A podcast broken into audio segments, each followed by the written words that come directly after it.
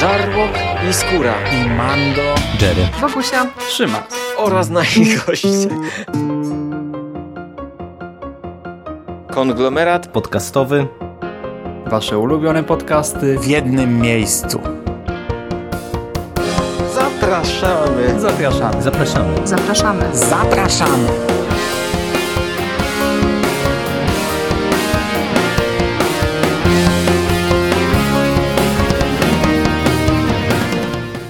Witamy w kolejnym odcinku konglomeratu podcastowego, tego gwiezdnowojennego konglomeratu podcastowego. Z tej strony e, witają Was e, Michał Rakowicz, czyli ja i Hubert Spandowski, czyli Mando. Witam Cię, Mando.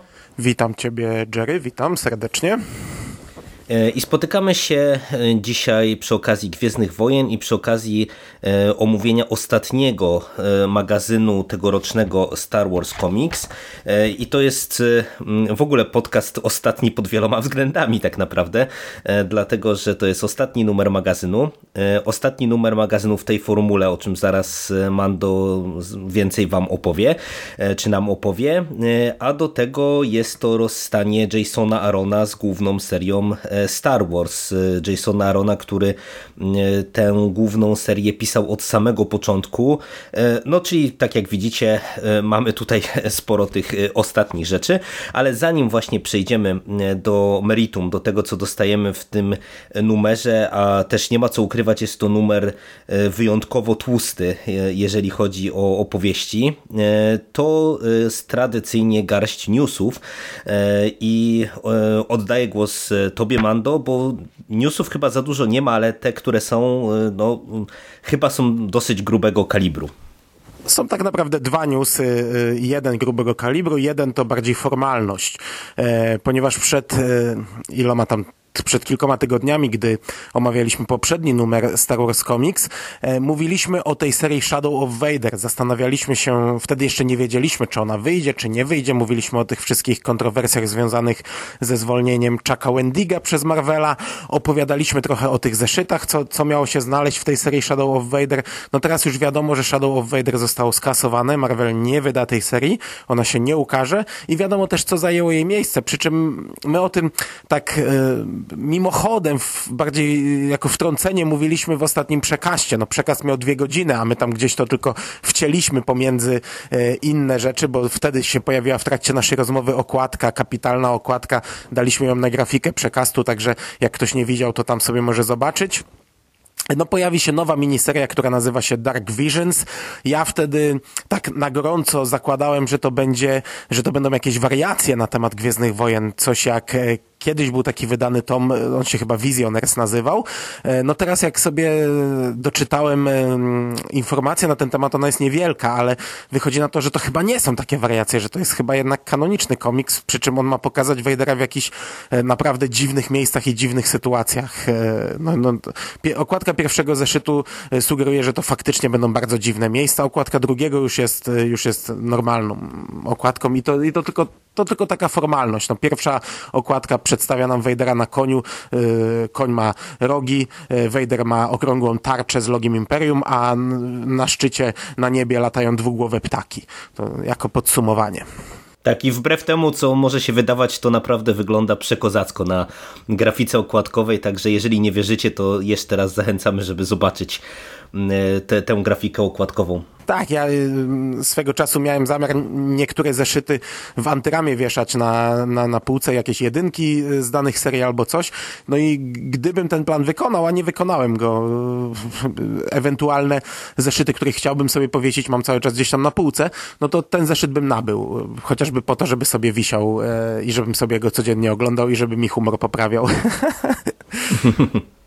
A drugi news e, dotyczy konkretnie tego magazynu i e, on na razie pojawił się tylko na jednym blogu. To jest taki blog, o którym ja czasami wspominam, bo oni bardzo szybko wrzucają różne newsy.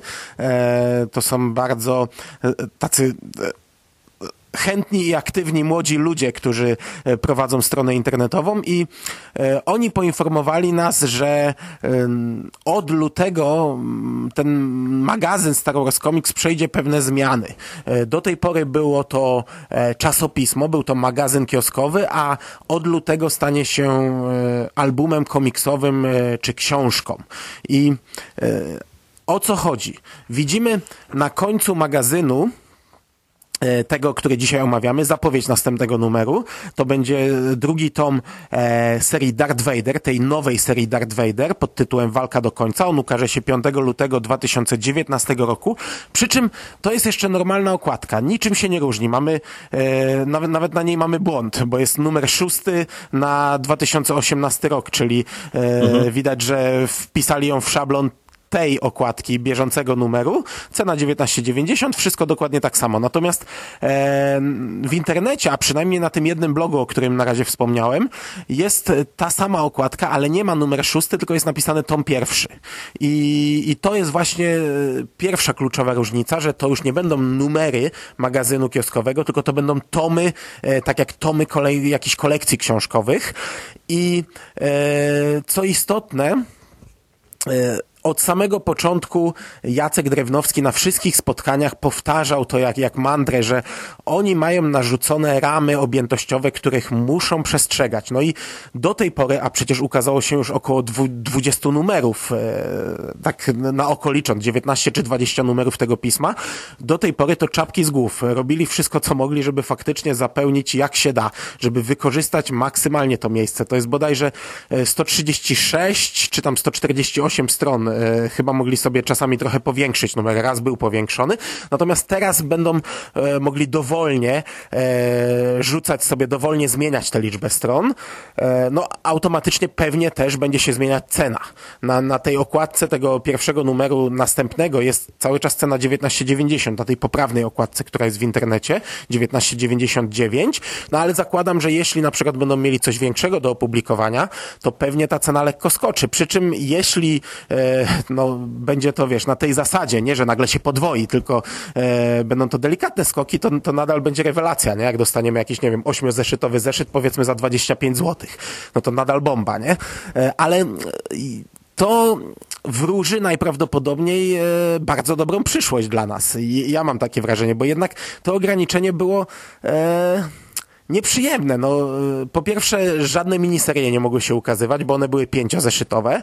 E, co prawda wątpię, żeby Egmont celował w coś cieńszego, ale teraz będzie mógł się otworzyć na grubsze rzeczy. My w poprzednim podcaście, ja o tym dość dużo mówiłem, zastanawiałem się, co dalej z Podameronem. E, tam sobie analizowałem, że teraz będą sześciozeszytowe serie i dwa anuale i jak to się zmieści, no bo e, z tego, co się orientuję, to chyba około 170-180 stron mają te tomy, e, dwa następne Podamerona, no i teraz nie ma problemu teraz mogą sobie to wydać. Rozmawialiśmy o tej serii, która ma nadejść, Age of, Age of Republic, Age of... E, żebym teraz pamiętał, Resistance i Age of Rebellion chyba. E, I mówiłem, że to są ośmiu zeszytówki, no i że w ogóle nie widzę, jak to mają wydać. No teraz jest taka możliwość wydać osiem zeszytów w nieco podwyższonej cenie. Także wydaje mi się, że może być coś fajnego, że może zaczną na przykład dopychać więcej one-shotów, wrzucać, że faktycznie, jeśli to się będzie sprzedawać w grubszej formie, to będą robić grubszą formę, bo teraz będą mogli. Znaczy, wiesz to dla mnie to jest ze wszechmiar bardzo dobra informacja i, i też się zgadzam, że to nam zwiastuje y, raczej świetlaną przyszłość niż odwrotnie, y, bo też my dosyć regularnie się zastanawiamy przecież, co tak naprawdę y, nam ta przyszłość przyniesie, no bo umówmy się, że no te, ta główna seria no, w tej chwili przechodzi zmiany. Paul Dameron wkrótce tak naprawdę, bo jeszcze właśnie zostały nam dwa tomy, mm, się kończy. No i tak naprawdę to cały czas y, pozostaje otwarte pytanie właśnie jak te, ten magazyn y, miałby się sprzedawać, nie? Czy będziemy kontynuowali Afrę na przykład i tak dalej, i tak dalej. No jest dużo pytań e, i e, ja się w pełni podpisuję pod tym, co powiedziałeś, że teraz e, daje to wydawnictwu elastyczność. Z mojej strony tak naprawdę jest tylko jedna wątpliwość, ale to nawet nie tyczy to mnie, co pewnie przynajmniej części fanów, którzy z magazynem byli od początku, no ta zmiana formy odbije się na szacie graficznej, no i teraz trochę zastanawiające jest dla mnie, że to wiesz, tak zaczynamy trochę od środka, nie, bo będzie ten tom Ale pierwszy, wiesz, tak jak co mówisz. się odbije, ty? Grzbiet masz taki sam, to jest to tylko ten mały napisik, numer 6 na 18, no nie, ale, to się ale zmieni. w, bo rozumiem, że to ma być nadal w takiej wersji miękko-okładkowej. Czy oni No to tak chcą myślę, zrobić jako tak właśnie... myślę. Nie no, No myślę, właśnie, że to będzie się- takie. No bo właśnie ja się zas- zacząłem zastanawiać, czy oni będą to kontynuować w takiej formie, bo jeżeli tak, to, to w ogóle nie ma tematu. Natomiast y, ja w pierwszej chwili sobie pomyślałem, czy oni nie, nie będą chcieli tego y, zrobić w formacie takim, jak y, był, wy, były wydawane te legendy, które wiesz, były. Wiesz co, wtedy takim na pewno nie- cena by skoczyła. Nie sądzę, żeby wtedy A, utrzymała okej. się cena 19,90. Tak myślę. Bo myślę, że cena w dużej mierze zależy od tego papieru, od, bo, on nie jest od, od początku, podkreślamy, że on jednak nie jest jakiś szalenie e, dobry ten papier. Tak naprawdę okładka e, tego magazynu to jest coś jak strona amerykańskiego zeszytu komiksowego. No, no może ciut grubsze, nie wiem, nie To, jestem to powiem fachowcem, nie znam się. od siebie, że jeżeli to mają utrzymać w tej formie, to ja nie mam uwag i chcę, te, chcę tego więcej, bo faktycznie no, tutaj mamy realne szanse na to, żeby e, tak naprawdę przełożyło się to po prostu na więcej Gwiezdnych Wojen, na więcej fajnych historii, więcej dobrych historii, tym bardziej, że przechodząc już trochę do zawartości tego tomu i tego, co wspomniałeś, że to nam się trochę łączy z e, tym konkretnym albumem. E, i tak naprawdę trochę nawiązując do tego, co my wielokrotnie mówiliśmy już też e, omawiając właśnie te jednozeszytówki, które pojawiały się w tych wcześniejszych magazynach, no często te jednozeszytówki to są naprawdę bardzo fajne historie. I, i tak jak właśnie mieliśmy realny problem, co z tym zrobić, no to tak teraz, tak jak wspomniałeś, nie będziemy tego mieli i no tak jak mówię, myślę, że przechodząc chyba do, do zawartości tego numeru, e, możemy e, zająć się już tym, co tutaj dostajemy, a, a ja wspomniałem o tym właśnie, że mm, to jest e, komiks, który jest naprawdę wypakowany treścią. Formalnie tutaj mamy mm, cztery historię tak naprawdę w spisie treści. Jest to Zemsta Droida, Imperialna Duma, Piasek daje i zabiera oraz Odcięci, e, czyli odpowiednio e, materiały zebrane w zeszytach od 33 do 37 tej oryginalnej serii Star Wars, oczywiście z, jeszcze z, ze scenariuszem Jasona Arona. W przypadku tych pierwszych dwóch historii, czyli Zemsty Droida oraz Imperialnej Dumy z rysunkami Salvadora Laroki. W przypadku Piasku daj, tej historii Piasek daje i zabiera z rysunkami Andrea Sorrentino. Ta historia odcięci to jest Star Wars Annual numer 3 i tam scenariusz, za scenariusz odpowiadał Jason Latour, a za rysunki Michael Walsh. O tym jeszcze pewnie sobie też tam wspomnimy. Natomiast ja mówię, że to wygląda tak w spisie treści, natomiast de facto e, ta historia Zemsta Droida to jest, można powiedzieć, e, historia rozbita na cztery opowieści, które gdzieś tam nam się e, w Imperialnej Dumie zbierają, czy łączą, można powiedzieć, w pewien sposób. Imperialna Duma to jest ten ostatni, piąty zeszyt, a w Zemście tak. Droida łączą się cztery. To trochę jest myląco nazwane, bo w oryginale każdy zeszyt miał swoją nazwę. I czwarty zeszyt miał tytuł Zemsta Droida, czwarty, czyli 36. yy, W tym przypadku 36 zeszyt regularnej serii miał tytuł Zemsta Droida. Tutaj te historie zebrano w jedność i, i zatytułowano ją Zemsta Droida, chociaż tak naprawdę, tak jak mówisz, to są cztery oddzielne historie, każda z nich powinna mieć swoją nazwę. Więc e, tak na chłopski, e, tak, tak, żeby nie, nie, nie, nie komplikować, mamy tutaj tak naprawdę e, cztery opowieści w tym pierwszym, Imperialną Dumę, czyli piąta, Piasek daje i Piasek zabiera, czyli szósta, i Odcięci, czyli Anual, czyli siódma. Siedem opowieści. Siedem e, opowieści komiksowych w jednym e, numerze komiksowym. No i to y, ja od razu też powiem, że to są opowieści o świetnym poziomie. To są historie, które według mnie dobitnie udowadniają, że y, w jednym zeszycie można zawrzeć naprawdę y, świetną historię, jeżeli się ma na nią pomysł.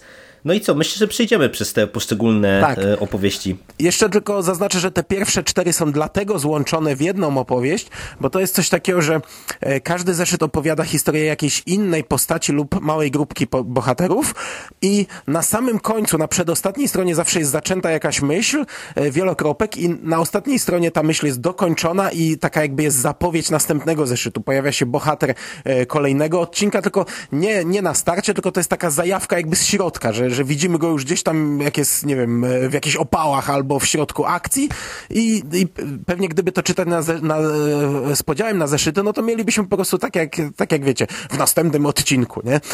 Co, coś, coś w tym stylu. Po sklejeniu to jest takie płynne dosyć przejście, w, w tym miejscu jest ta, ta, taki może przeskok, że, że jest ta zapowiedź i zaraz przechodzimy do, do, do historii tej postaci. No i, i to się kończy na tym czwartym zeszycie. Zemsta droida ma, ma, ma napis koniec i potem następne one-shoty to już są takie samodzielne historie. Ja, ja ci przyznam, że...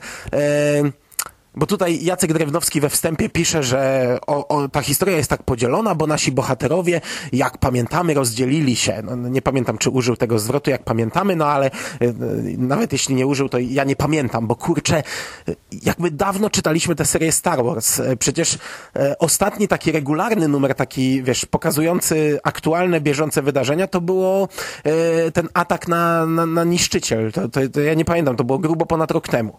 W listopadzie mhm, rok tak, temu tak, tak. my, w listopadzie rok temu my omawialiśmy e, tajną e, wojnę czy misję Mistrza Jody e, i to my już wtedy z dużym spóźnieniem to omawialiśmy. I jeszcze była Cytadela Grozy, która też była czymś innym zupełnie, także teraz jak ja wróciłem do tej historii, to, to czułem się jakbym naprawdę ogromną przerwę miał z tymi bohaterami i zostałem wrzucony tak w trochę sytuację, której ja w ogóle nie kojarzyłem. Skąd ci ludzie się tu wzięli, czemu oni są rozdzieleni, co oni robią, e, ale to nie dezorientuje, bo mamy po prostu takie oddzielne historie bohaterów. Każdy wylądował gdzie indziej, każdy robi co innego no to, to co mówisz to jest albo dowód na to, że jako starzy ludzie y, mamy pierwsze objawy demencji, albo faktycznie po prostu y, dawno to czytaliśmy, bo ja też nie pamiętałem dlaczego oni są tutaj rozdzieleni, y, ale tak jak mówisz to kompletnie nie, nie dezorientuje i też jak mówimy o rzeczach, które łączą te, te poszczególne segmenty, te poszczególne historie, to jest to, że w zasadzie każda z tych opowieści ma konkretnego narratora.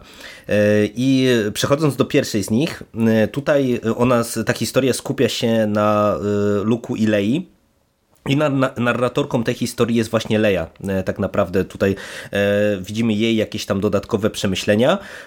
E, zaczątek historii jest bardzo prosty. Luke i Leia uciekają przed Imperium, trafiają na pewną planetę i na skutek tego, że Luke poprzez pewien manewr dosyć ryzykowny uszkodził statek, oni są na tej planecie uwięzieni. Nie mogą się z niej wydostać, nie mogą przez warunki warunki pogodowe, przez jakąś tam mgławicę, która otacza planetę, nie mogą wysłać sygnału.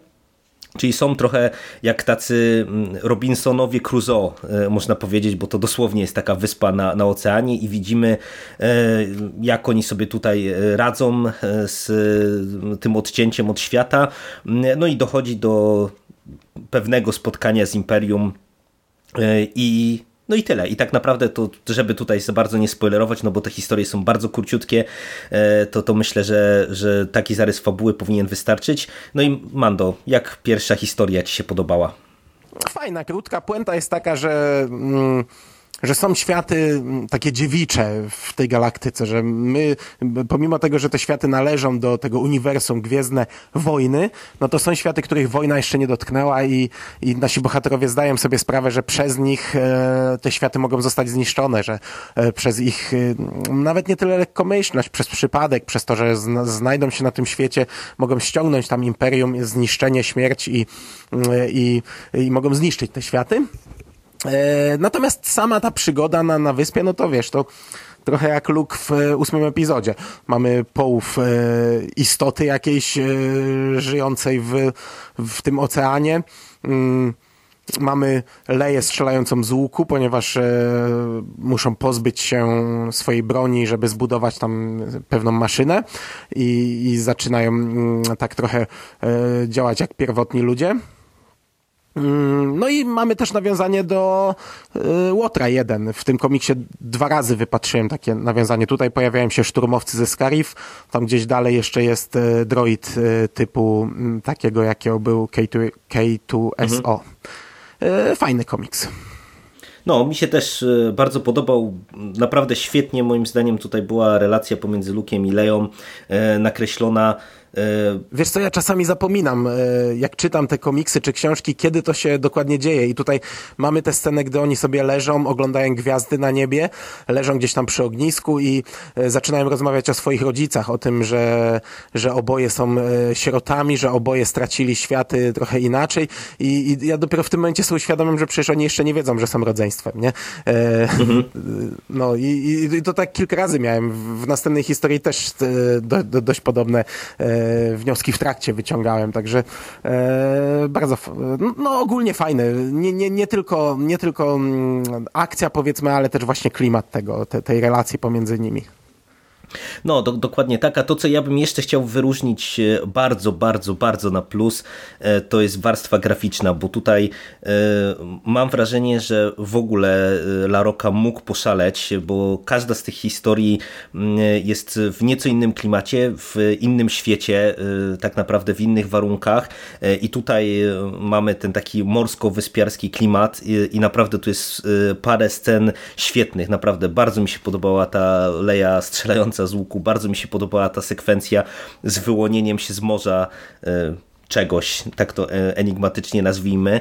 E, I w ogóle to, że to właśnie było takie w takim dziewiczym terenie, i gdzie była ta, ta przyroda naokoło i tak dalej, i tak dalej podkreślona. Szalenie mi się podobał te, te, ten komiks także właśnie od, od tej strony stricte graficznej. Także bardzo dobra historia na otwarcie. Ja trochę tak, ale no skoro już do Laroki przeszliśmy, to jeszcze daj mi dwa zdania i już sobie odhaczymy mhm. to. E, okej, okay, ta pierwsza historia mi się podobała, choć już też mam kilka zgrzytów, ale ogólnie e, kurczę, tak jak e, w serii Darth Vader ja chwaliłem Larokę, tak w serii Star Wars e, ja widzę duże rzeczy, które mi się nie podobają i to ogólnie są zazwyczaj e, z tego samego worka rzeczy. Coś, o czym mówiłem już przy e, tej tajnej misji, czy wojnie, wojnie Mistrza Jody.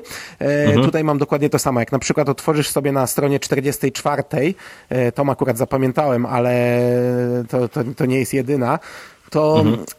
Wygląda to tak, jakbyś widział, jakbyś miał stronę z komiksu, taką animowaną, no bo Jabba z tyłu wygląda, nie Jabba, tylko ten Hat wygląda jak animowany, natomiast Han wygląda jakbyś wyciął zdjęcie i przykleił do rysunku. Jego na przykład dłoń w ogóle nie pasuje do twarzy. Twarz jest taka e, bardzo realistyczna, bardzo szczegółowa, a cały rysunek jest ubogi i, i ja, ja, nie wiem, w, w Darcie Vaderze tego nie widziałem, a w Star Wars on cały czas tak rysuje, że e, twarze postaci są jak niczym zdjęcia, a całe tło jest ubogie, czasami to jest pojedyncza kreska, czasami to jest pojedynczy kontur i w tym tym pierwszym też to widzę. Otwieram na stronie siódmej, widzę twarz Luka, to jest zdjęcie, a widzę rysunek wody, to jest jakiś tylko kontur e, animowany. To, to by mogła być e, część kreskówki, animacji.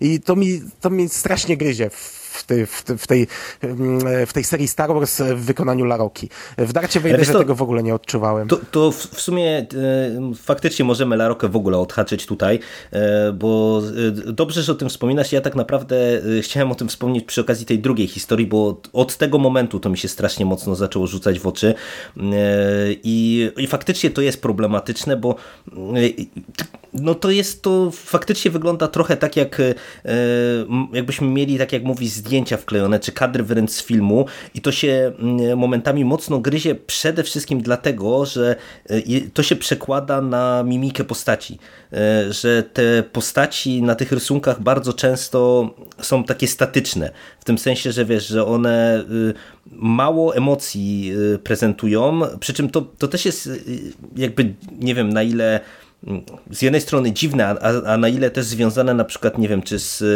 e, kolorysty, kolorystą, czy e, z osobami, które tutaj odpowiadają za tusz, bo ja odnoszę wrażenie, że tutaj ten problem się tyczy tak naprawdę głównie tych postaci, które są filmowymi postaciami, e, bo mi się to strasznie mocno, to o czym ty mówisz, rzuciło w oczy właśnie od tej drugiej historii, bo jej bohaterami jest Lando i, i Sana, i zwróć uwagę, że jak oni występują razem, to właśnie Lando cały czas mm, cierpi na ten problem, o którym tutaj sobie mm, dyskutujemy, e, a z Saną takiego problemu nie ma. Ona jest w zasadzie rysowana e, normalnie, czy standardowo powiedziałbym.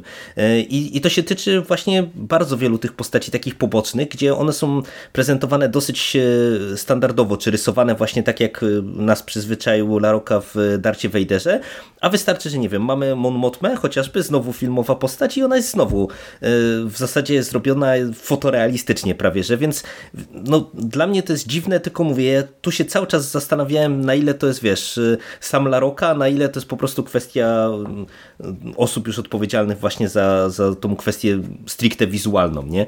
Nie, nie za no, same ale rysunki. Faktycznie, to co mówisz jest prawda, to się najbardziej rzuca przy Hanie i przy Lando. E, w pierwszym, e, w pierwszej historii i w ostatniej, która e, w zasadzie jest o droidzie, po prostu tego aż tak nie widać, a, a w tych dwóch widać to bardzo mocno. No i przechodząc do tej drugiej historii, to jest, tak jak mówisz, opowieść o Sejnie Solo i o Lando i o przekrętach, jakie, jakie ona odstawiała. E, w tym przypadku razem z Lando, choć Lando jest tak trochę wrzucony w tę całą awanturę e, trochę wbrew sobie. Dowiaduje się o wszystkim krok po kroku i, i, i często nie dowierza, w co się wpakował znowu.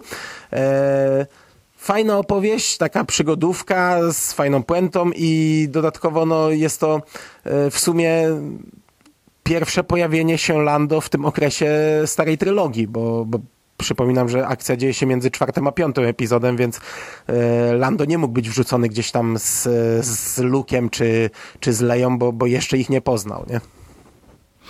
No, do, dokładnie tak i ja ci powiem szczerze, że tu już e, widać jak fajnie jest to wszystko pomyślane, bo mamy znowu komiks oparty na relacji dwojga postaci. Bardzo mi się podoba też po raz kolejny, yy, jak ta relacja jest pisana. Ten komiks ma zupełnie yy, różny klimat od tej pierwszej historii, bo to jest nieco bardziej humorystyczna opowieść, ja bym powiedział, właśnie taka weselsza przygodówka, czy taka lżejsza przygodówka, ale też z fajną puentą, właśnie z bardzo dobrze rozpisanym tymi relacjami postaci, bo ja do tego będę wracał, bo y, każdy z tych komiksów mam wrażenie tym stoi. I to jest dla mnie niesamowite, że wiesz, y, y, tutaj Jason Aaron na kilku stronach potrafił rozpisać bardzo właśnie wiarygodne, ciekawe, interesujące relacje. Nie? No przecież tutaj my tak naprawdę widzimy mm, ten, ten układ postaci, czyli Sainę i Lando po raz pierwszy, a ja absolutnie nie czuję, że wiesz, że coś tutaj nie gra, nie? Tylko od razu oni się zachowują i są tak pisani jako, wiesz, jacyś tam dobrzy, starzy znajomi i to jest naprawdę świetnie pod tym kątem prowadzone. Dobra, e, tak jak mówię, wszystkie te historie oparte są na parach postaci i tak jak druga historia skupiała się na Sainie i Lando, e, tak e, trzecia historia to jest opowieść o Hanie Solo, Czubace i Grakusie Hacie, e, ponieważ tutaj z kolei Han Solo dostaje dosyć nietypową misję od, od Mon i ma przewieźć do jakiegoś tam tajnego więzienia rebelii Grakusa Hata na przesłuchanie, no bo jak pamiętamy z wcześniejszych odsłon całej tej, tego głównego wątku, tej opowieści. E, rebelia w którymś momencie Grakusa schwytała czy przejęła, e, no a on jako e, hat, który był zafascynowany Jedi, no może mieć pewne informacje przydatne dla rebelii, no i oni postanawiają go przesłuchać, a Lando ma być takim kurierem, no ale jak się szybko okazuje, cała ta misja, jak to w przypadku Hanna Solo często bywa, idzie w zupełnie nietypowym kierunku, no i Mando, jak Ci się podobała historia? E, no, mi się tutaj w zasadzie niemalże prawie wszystko podobało w tym komiksie. Również ta historia mi się podobała. E, fajnie pokazuje... To, kim staje się powoli Han, bo on tutaj trochę udaje, trochę to ma nas doprowadzić do pewnego twistu, którego ja się przyznam nie spodziewałem, chociaż był e, w zasadzie pewnie i do przewidzenia i pewnie e, to nie jest nic skomplikowanego, ale mnie zaskoczył. I przez większość tej podróży e, ten chat próbuje jakoś tam podejść. Wie, że ma do czynienia z szumowiną, wie, że ma do czynienia z takim łotrzykiem, przemytnikiem, który w zasadzie jakoś tam przypadkiem w tej rebelii się znalazł, przecież on tego wcale nie chce. E, próbuje go podejść, próbuje go gdzieś tam przekabacić na swoją stronę, e, a ostatecznie e, Han ostatnie zdanie należy do Hana. On, on to puentuje tę, tę opowieść, on ma swoje do powiedzenia na sam koniec i e, krótka historia, a fajna, podobało mi się, zaskoczyła mnie. E, było trochę żartów w, w, rozmowie z Czubaką, jak zawsze czuć było tę chemię, e, jak tam sobie wymieniali zdania między sobą. Bardzo, bardzo fajny komiks. No, ja się pod wszystkim podpisuję, też mi się bardzo pod ta historia podobała. Podpisuję się również pod tym, że też się dałem zaskoczyć.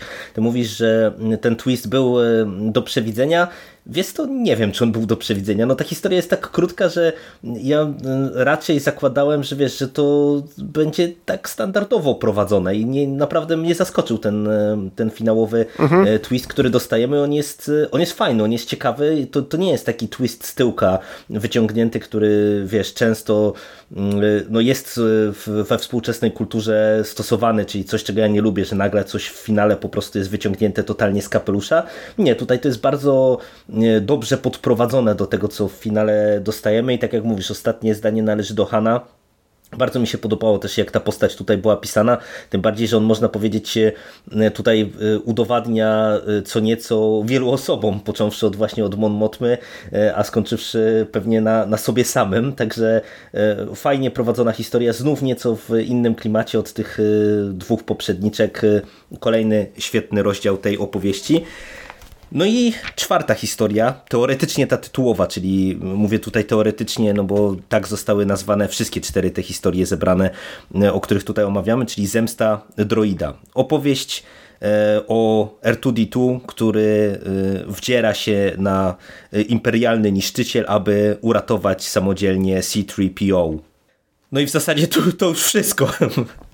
Czyli opowieść o bohaterze, którego widzimy na okładce. Artuditu przemierzający e, osmalone korytarze Gwiezdnego Niszczyciela, e, którego podłoga zaścielona jest trupami szturmowców. E, okładka przecudowna. Sam komiks już niekoniecznie e, będę chwalił. Powiedziałem, że prawie wszystko podobało mi się w tym numerze. No ten komiks jak dla mnie trochę zbyt przegięty. Okej, okay, ja, ja, ja się bawiłem e, przednio, e, czytając tę historię, bo widzimy tutaj Artuditu, który przylatuje X-Wingiem na, na niszczyciela gdzie przetrzymywany jest C-3PO, który został uprowadzony e, na etapie tego pierwszego crossovera, e, osaczony Vader. E, I od tamtej pory był przetrzymywany przez Dartha Vadera. E, no wiemy, że na tym niszczycielu znajduje się Darth Vader. E, imperialni zdają sobie sprawę, że ktoś wdarł się na statek, wiedzą, że jest to droid, ale zakładają, że będzie to jakiś droid bojowy, a Artuditu sobie przemyka pomiędzy nimi i wysyła kolejne, e, kolejne drużyny szturmowców przeciwko sobie. Oni, oni strzelając zabijają siebie, tam jedna wielka mucka, jedna wielka jazda jest. Ja wiedziałem, że, że mniej więcej jak będzie przedstawiona fabuła w tym komiksie, bo kumpel rok temu mi opowiedział, w jaki sposób zostanie C-3PO e, odbity, więc to mnie nie zaskoczyło. Ja, ja, ja, miałem obawy, że to będzie fabuła na cały tom komiksu i, i to mnie przerażało. W, w, momencie, gdy to zostało zamknięte w, w jedno ze szczytówce, no to jeszcze okej. Okay. No ale jest to takie głupiutkie, jest to takie przegięte. To tak jak ludzie się wkurzali po ostatnim Jedi na, na tę scenę, gdzie tam BB-8 zaczyna sterować tą maszyną kroczącą i juhu, i nią jedzie i strzela. No to to mniej więcej więcej, mniej więcej w tym stylu. E, do tego, no, gdyby spojrzeć na logikę świata przedstawionego, ja wiem, że to są Gwiezdne Wojny, ale e, no, R2D2 nie ma kasowanej pamięci. Wysyłanie droida, który nie ma kasowanej pamięci na Gwiezdny Niszczyciel jest, jest trochę absurdalnym pomysłem. E, no, no, ale to takie tam pierdoły, drobiazgi. No to ta, ta, ta, taka, taka popierdółka, trochę, ta, trochę głupawa, trochę śmieszna. No nie, to jest e, taki Jason, Jason, Jason Aaron, którego bardzo wielu e, czytelników kojarzy właśnie z takimi występami, czyli właśnie taki totalnie odjechany. No, ja, ja tak trochę kojarzę tego scenarzystę, że on potrafi tego rodzaju absurdalne pomysły do komiksów i do światów tych marvelowskich na przykład, czy innych, w których pisuje, przemycić. To, co mi się najbardziej podobało w tej historii, bo to, że ona jest przegięta i taka trochę głupawa, to się w pełni z tym zgadzam, natomiast to, co mnie najbardziej kupiło, to była mm, ta narracja, która była oparta na tym, że e, my jakby czytamy, e, czy śledzimy instrukcje e, tego rodzaju modelu, tego rodzaju z robota czy droida, no i widzimy, że wszystko to, co w instrukcji jest napisane, R2D2 mm, zaprzecza temu właśnie na, jakby swoimi poczynaniami na tym Gwiezdnym Niszczycielu. I oczywiście to jest żart y, w, w dosyć y, takim powiedziałbym jednostajnym klimacie, czyli na jedną nutę, y, ale bawił mnie przez cały te, ten zeszyt i, i naprawdę bardzo mi się to podobało. I mimo właśnie, że to historia dosyć tam przygięta, to, to całościowo naprawdę mi się też to przyjemnie czytało. No, dla mnie też okej. Okay. Ja nie, nie traktuję tego jako jakiś, jakiś wiesz, wielki minus tego, tego numeru. Czytało się przyjemnie, narracja fajna, tak jak mówisz, tak jak wszystkie te komiksy. No trochę to głupiutkie, ale, ale, ale znośnie. Znośnie, głupie. Natomiast e, ostatni zeszyt te, tego tomu, powiedzmy, z, z wyłączeniem anuala, e, czyli Imperialna Duma, to jest w zasadzie chyba pożegnania Arona, bo potem mamy jeszcze tylko taką popierdółkę, taki dodatek. E, I to jest historia drużyny Skara która była wprowadzona e, gdzieś tam na etapie chyba rebelianckiego więzienia, czy, czy, czy no gdzieś w środku tej serii i przez jakiś czas się przewijała, czasami mocno w tle, czasami wychodziła na pierwszy plan. To jest historia głównie sierżanta Krela, e, który, szturmowca, który włada mieczem świetlnym, no i całej jego drużyny, która mm, składa się z takich różnych e, dziwacznych ludzi, już o tym mówiliśmy, tam jeden szturmowiec w kapturze, jeden jest odpowiednikiem takiego Halka, takiego tanka do, do, do, do rozwalania. E, jeden jest snajperem, każdy tam ma swoje jakieś umiejętności. I oni mają coś do udowodnienia Wejderowi, no bo ponieśli e, kilka porażek w, ostat, w ostatnim czasie. I tutaj e, odkrywają, gdzie znajduje się e, baza e, przynajmniej części Sojuszu Rebeliantów e, i robią rzeź, rzeź rebeliantów. E, wybijają, e, wyżynają wszystkich w pień. widzimy tak, śledzimy taki komiks, gdzie drużyna Skar ma swoje 5 minut, a rebelia dostaje dość potężny cios. Wiesz to tak jak ty przy tym poprzednim, przy tej poprzedniej historii mówiłeś, że to jest jakiś tam drobny minusik, tak ja się cieszę, że się rozstajemy z, mam nadzieję, tutaj z sierżantem Krillem i e, jego ekipą, bo to była chyba historia, która mi najmniej przypadła do gustu. E, oni mi się średnio od początku podobają e, i, i tak ta opowieść jak na standardy tej drużyny jest wydaje mi się całkiem niezła, e, ale, ale całościowo mm, no nie wiem, jakoś to do mnie nie, nie przemawiało i jako sam finał e, ty, tych poprzednich opowieści, no bo tutaj mamy taki ładny kadr kończący i jakiś taki morał e, z, płynący z, z tych wszystkich pięciu opowieści. Dla mnie w porządku, ale no, no tak jak mówię, najsłabsza chyba ze wszystkich tych y, pięciu historii, które tutaj od Arona otrzymaliśmy. Znaczy mi cała opowieść e, tej drużyny, no to też tam szału nie robi. Podobała mi się ta końcówka, ta, ta, mhm. te, te, te, ostatnie strony, Dokładnie, gdzie rebelianci, gdzie, gdzie, gdzie, nasi bohaterowie przybywają, tam widzą pogorzelisko, widzą informacje od drużyny. Ja nie sądzę, żebyśmy się z nim rozstawali tak szczerze, ale no nie mam pojęcia.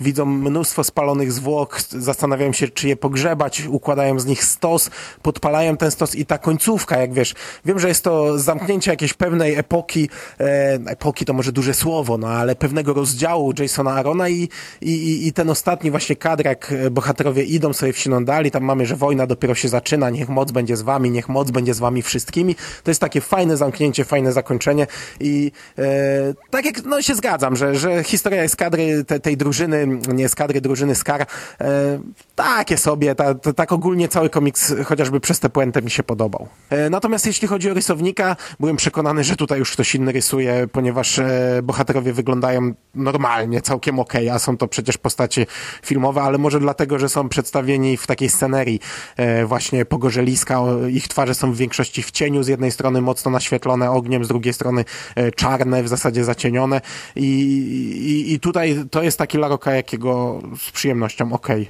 okay. bardzo mi się podoba, nie widzę, chociaż, chociaż wiesz, jak się przeskakuje, to teraz jak, jak kartkuję, to też widzę różnicę między kadrami, gdzie są postaci, a kadrami, gdzie są sami szturmowcy. Szturmowcy są bardziej e, animowanie, powiedzmy, narysowani, ale, ale tu bym się nie czepiał, tak jak przy tych kilku wcześniejszych historiach. Tutaj to wygląda fajnie. No, ale to widzisz, to myślę, że to może być faktycznie trochę tak, jak ja mówiłem, że to zależy już od samych kolorystów, później sporo też e, jak, jak te rysunki są prezentowane, no bo tutaj zdecydowanie właśnie to, to mm, kadrowanie w cieniu w nocy przy tym ogniu, no to powoduje e, no taki odbiór tych postaci, jaki powoduje, no ale tak jak mówię, cał, całościowo finał e, dobry i domknięcie tutaj historii czy epoki Jasona Rona w Star Wars.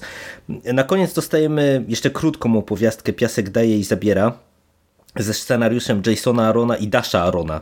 Nie wiem, czy to jest brat, czy, czy, czy może syn. Czy Też nie mam pojęcia, nie sprawdziłem, a teraz nie mam możliwości. E, a za rysunki odpowiada Andrea Sorrentino. E, no i to od razu widać, że tutaj mamy zupełnie e, inny, inny komiks pod kątem w tej warstwy wizualnej. No i to jest krótka opowieść e, skupiająca się na Tatooine i na ludziach pustyni. E, taka opowieść o, na przykładzie życia jakiegoś jednego członka społeczności tych ludzi pustyni, e, gdzieś tam w tle z Tatooine i postaciami, które na Tatooine funkcjonują, czy funkcjonowały w tamtym okresie. Wiesz co, ja jestem ze, ile, dwa dni po lekturze i ja już nie pamiętam o czym był ten komiks. Kartkuję go sobie, a nadal za bardzo nie pamiętam, co jest tutaj osią fabuły. E, to jest taka króciutka popierdółka. Tak naprawdę z ostatniego kadru dowiadujemy się, że to jest chyba komiks z dzienników Bena Kenobiego, czyli e, historia wchodząca w skład tych mm, teoretycznie jednozeszytówek. Wcześniej to były jednozeszytówki. To jest pewnie jakiś dodatek, który znalazł się w tym 37 numerze. Wiesz, jako dodatek okej, okay. Ja lubię jak coś takiego e, się znajduje dodatkowo, jako wypełniacz, no bo e, wizualnie to wygląda momentami przepięknie, chociaż bardziej tutaj kolorysta e, robi swoją robotę. Oczywiście mm, kolorystyka jest dość jednostajna, no to jest Tatooine i, i piasek odgrywa tutaj dość kluczową rolę, więc słońce, piasek, te burze, burze piaskowe i tak dalej.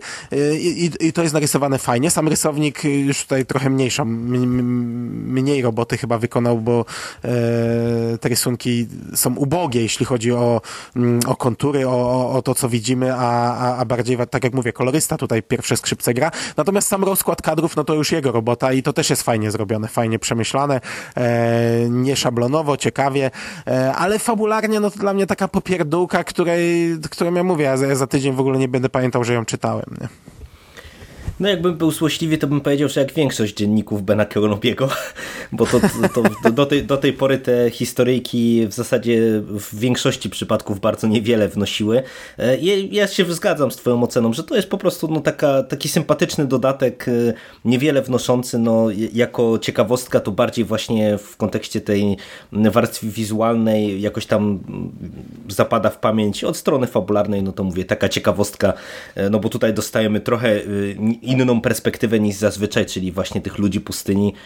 Od ciekawostka i tyle. No i siódma opowieść w tym komiksie e, jest zatytułowana Odcięci.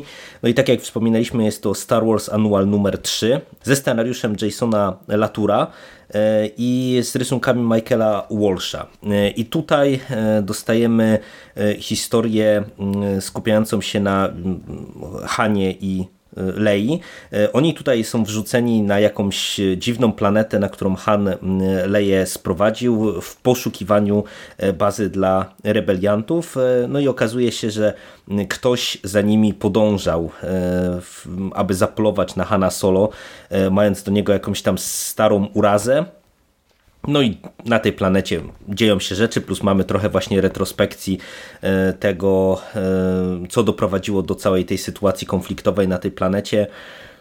Mando, jak ci się podobał ten anual? fabularnie, mm, wizualnie też, ale o tym za chwilę.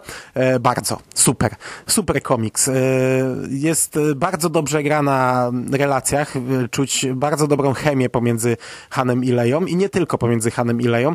Te retrospekcje wprowadzają dużo humoru, rozmowy pomiędzy nimi zresztą też wprowadzają. To jest kilka takich sytuacji, że ja się naprawdę zaśmiałem w głos przy tym komiksie.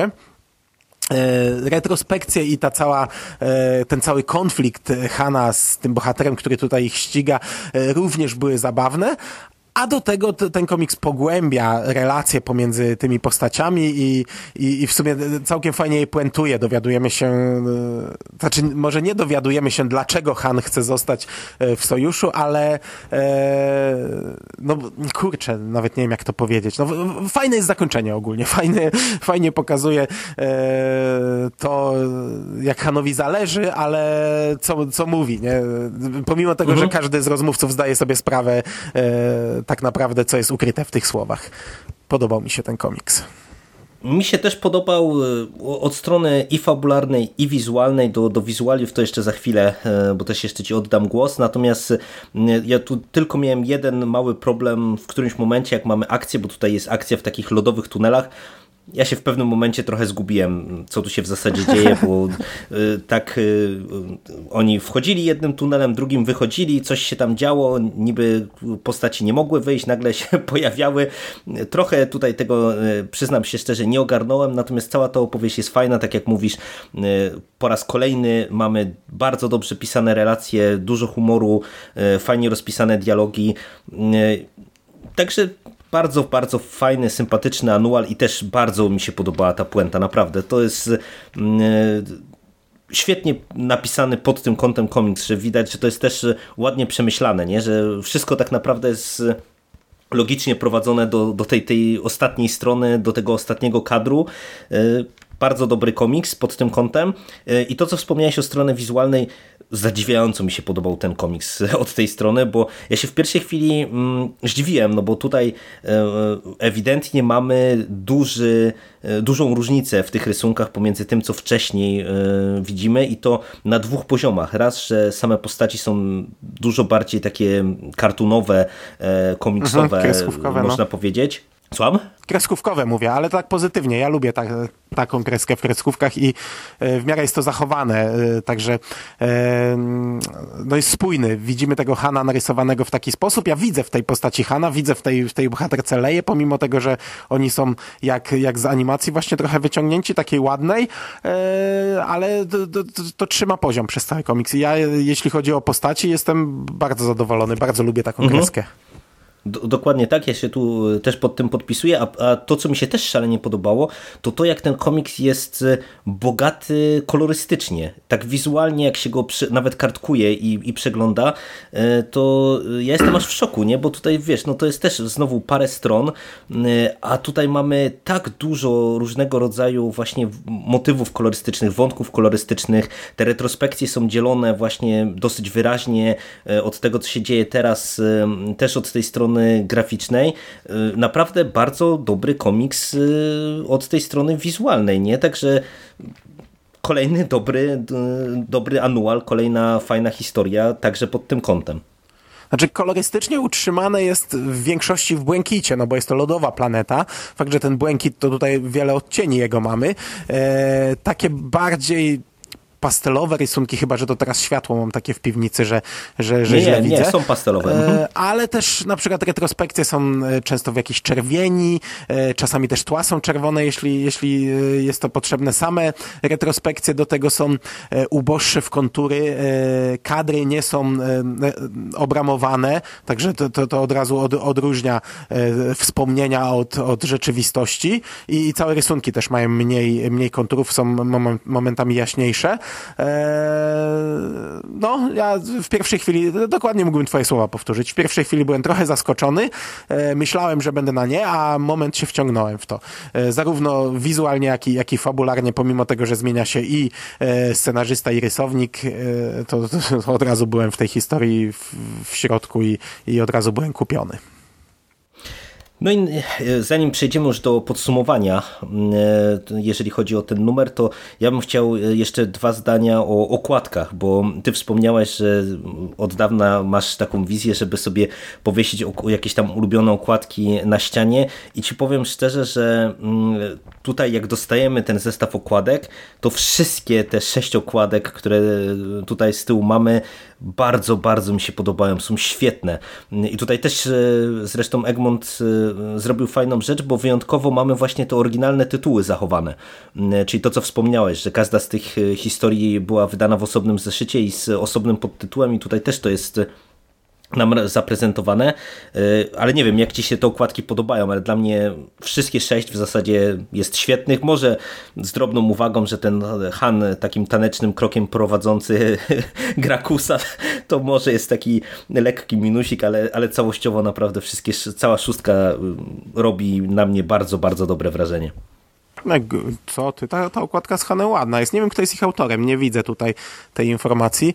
E, jeśli Laroka, a, a nie wydaje mi się, kurczę, to... E, no nieważne, nieważne kto jest ich autorem, ale są lepsze niż e, rysunki Laroki w komiksie, ale to, to, to normalne, okładki zazwyczaj są bardziej dopracowane, no ale właśnie nawet patrząc na tą e, okładkę z Hanem Czubaką i e, Hatem, to widać przynajmniej spójność, widać, widać, że to jest jednolity rysunek, nie, nie animacja połączona ze zdjęciem, tylko jednolity rysunek. I tak podobają mi się te okładki. Może ja, ja może jakoś bym się, na glebę może mnie jakoś nie rzuciły i, i gdybym miał tu najgorszą wybrać, to chyba ta z eskadrą, z, z drużyną Skar. E, może też sam manual, e, tak mniej, no bo tak, tak jak mówię, e, w anualu te, ta warstwa graficzna w pierwszej chwili mnie delikatnie, delikatnie odrzuca. Dopiero w momencie, gdy zaczynam czytać, to się wciągam, a, a, a jednak okładka to jest ta pierwsza chwila, więc e, ale też ona jest fajnie wymyślona, bo jest i to e, jest ta, ta biel taka wycięta z dołu i, i ten napis biały, e, to jest w sumie fajnie skomponowane. Wcześniejsze okładki od Anuali chyba były gorsze z tego, co pamiętam, bo pamiętam, że planowałem je dawać na graficzki do podcastów i rezygnowałem z tych pomysłów. No to myślę, że wypadałoby podsumować i to nawet może mniej sam komiks, no bo w zasadzie od 40 minut z, z, z uwagami, momentami, ale mimo wszystko raczej się rozpływamy nad tym, co tutaj dostaliśmy.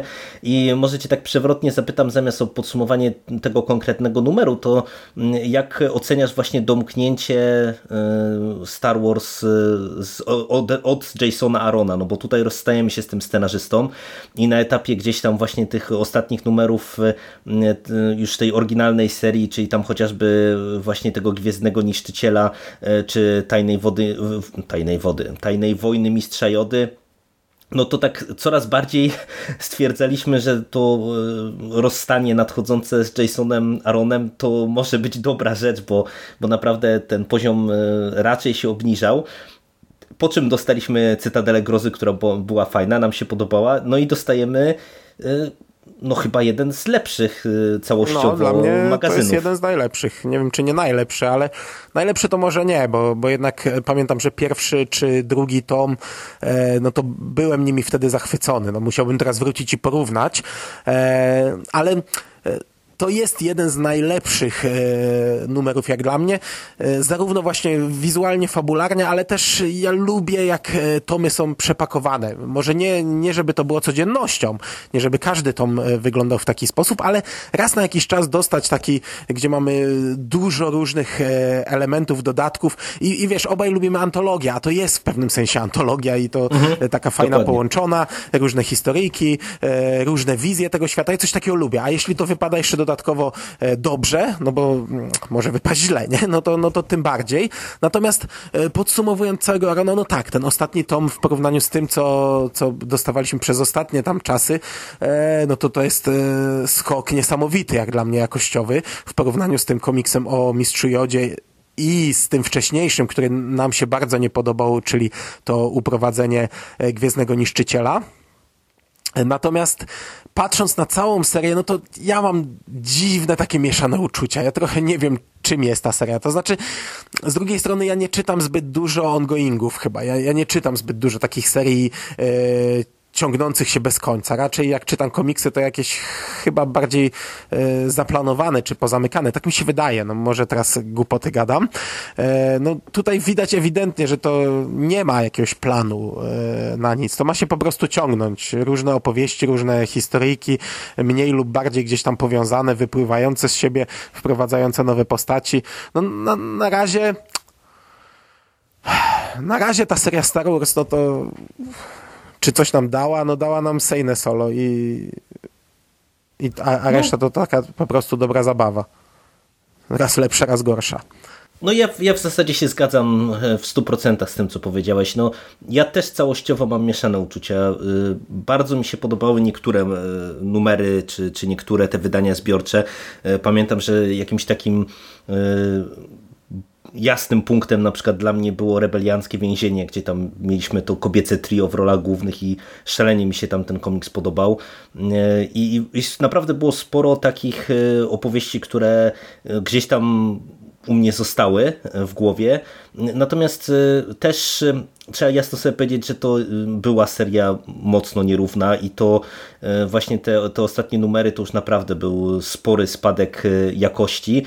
No i faktycznie to, co mówisz, no to to jest coś symptomatycznego, że jednak jak się spojrzy chociażby na Darta Vadera, który wprowadził nam doktor Afre i mimo wszystko wydaje mi się, że trochę bardziej podbudowywał postać, czy, czy rozwijał pewne wątki, no bo tam y, jednak mieliśmy tam też y, tą całą grupę Imperatora i tak dalej, i tak dalej. Jakoś wydaje mi się, że chyba tamta seria, ale no to też była zamknięta seria, mimo wszystko pod pewnymi względami lepiej się prezentowała. No ja jestem ciekaw tak naprawdę, jaki kierunek teraz otrzymamy, no bo ewidentnie też widać, że to, to jest nijak niedomknięte. Nie? No tutaj mamy pewną puentę, tak jak e, mówiliśmy. Ten finał yy, się czuje, że to jest pewne zamknięcie rozdziału, ale to jest takie zamknięcie rozdziału, że właśnie mm, zaraz yy, otworzymy kolejny duży rozdział. Tutaj scenariusz przyjmuje Kieron Gillen, który odpowiadał właśnie za mm, tą pierwszą serię tę pierwszą serię Darta Vadera. No ja jestem ciekaw, w jakim kierunku my tutaj pójdziemy. Dla mnie ogólnie w porządku, z bardzo dobrymi momentami, ale też ze słabszymi komiksami. No, mhm. Życzyłbym sobie teraz, żebyśmy trzymali ten poziom, który mieliśmy właśnie w tym numerze, bo, bo ja się w pełni też zgadzam z tym, że to jest na pewno jeden z najlepszych całościowo numerów magazynu, jaki otrzymaliśmy. No, no, na razie ta seria Star Wars dobrze gra na postaciach, dobrze gra na relacjach, e, ale to są takie rzeczy wypracowane, bo to wiesz, e, wszyscy znamy te postaci, wiemy jakie są między nimi relacje i, i tutaj twórcy po prostu wiedzą, mają tę świadomość, wiedzą na których akordach zagrać, żeby, żeby to nam podpasowało. To w żaden sposób nie rozbudowuje jakoś tych postaci, to w żaden sposób nie, nie rozwija te, te, tego świata, to po prostu gra na akordach takich, które nas tam łechczą tam, gdzie trzeba, nie? E, na chwilę mhm. obecną. Ja mam takie wrażenie. No tak jak mówisz, Darth Vader bardziej rozbudowywał na chwilę obecną e, ten świat. E, co dalej zobaczymy. No ja na razie jestem, e, no tak powiedzmy, tup tam nóżkami, bo następny tom nazywa się Prochy Jetta, więc e, będzie jakoś tam nawiązywał do Łotra 1. Liczę, że to będzie coś fajnego. No, zobaczymy. Nie, nie, nie pamiętam, jak znajomi, którzy czytali ten komiks, reagowali. Bardzo możliwe, że srogo się zawiodę. Mam nadzieję, że nie. Mam nadzieję, że teraz jak, jak, jak Gillian przejmie tę serię, to... No, pytanie, czy w ogóle zobaczymy, wyczujemy te zmiany, czy nie. No, no, nie ma, no, co, nie ma co gdybać, poczekamy, zobaczymy. Ciekawe, ile przyjdzie nam czekać na następny tom. Natomiast my chyba kończymy. Tak, kończymy. Y, ja dziękuję Ci za dzisiejszą długą rozmowę, bo to podsumowanie wyszło nam dosyć długie y, i do usłyszenia y, przy okazji kolejnych podcastów. Dzięki, cześć. Cześć.